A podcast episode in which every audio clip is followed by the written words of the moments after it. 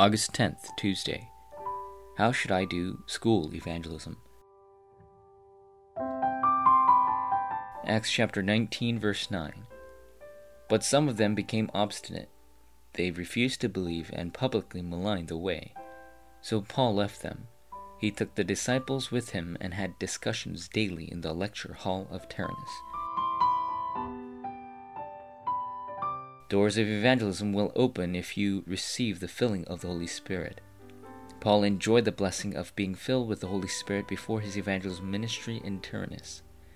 If we hold on to the mystery of the filling of the Holy Spirit before we start the evangelism movement, then all doors of evangelism will be opened. The seven remnants did not receive answers because they worked hard and were skilled.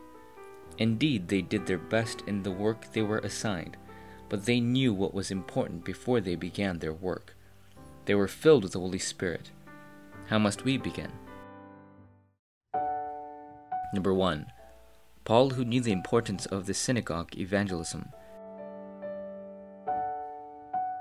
Paul had an earnest heart for the future generations. Paul went to the synagogues, which were like schools at the time, and actively began the evangelism movement. He went on Sabbath day to the synagogue and explained in detail about the Bible, focusing on the core message that Jesus is the Christ. Also in Tyrannus, he actively began the word movement targeting young people.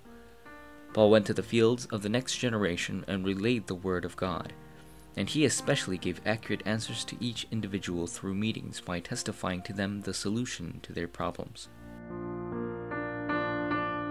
Number 2 hidden prop disciples. If you relay the message of Christ, which is the core of the gospel, through the word, then you will find hidden disciples. If you enjoy the blessing of being filled with the Holy Spirit all the time, then you will see great answers in your school, which is the field of the future generation. Disciples are what God has hidden in the field. They are not hard to find. Only if you testify the gospel accurately, disciples will rise. if this happens, you will discover the perfect time schedule to begin the gospel movement. Number 3. Word movement.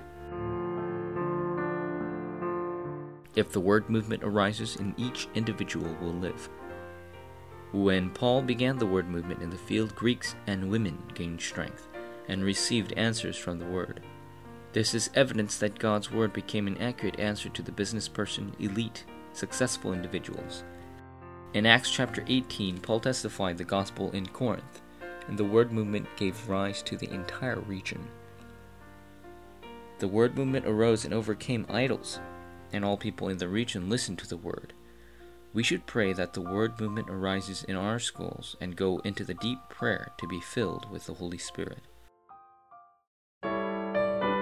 Forum topic Are you enjoying the blessing of being filled by the Holy Spirit in our daily life?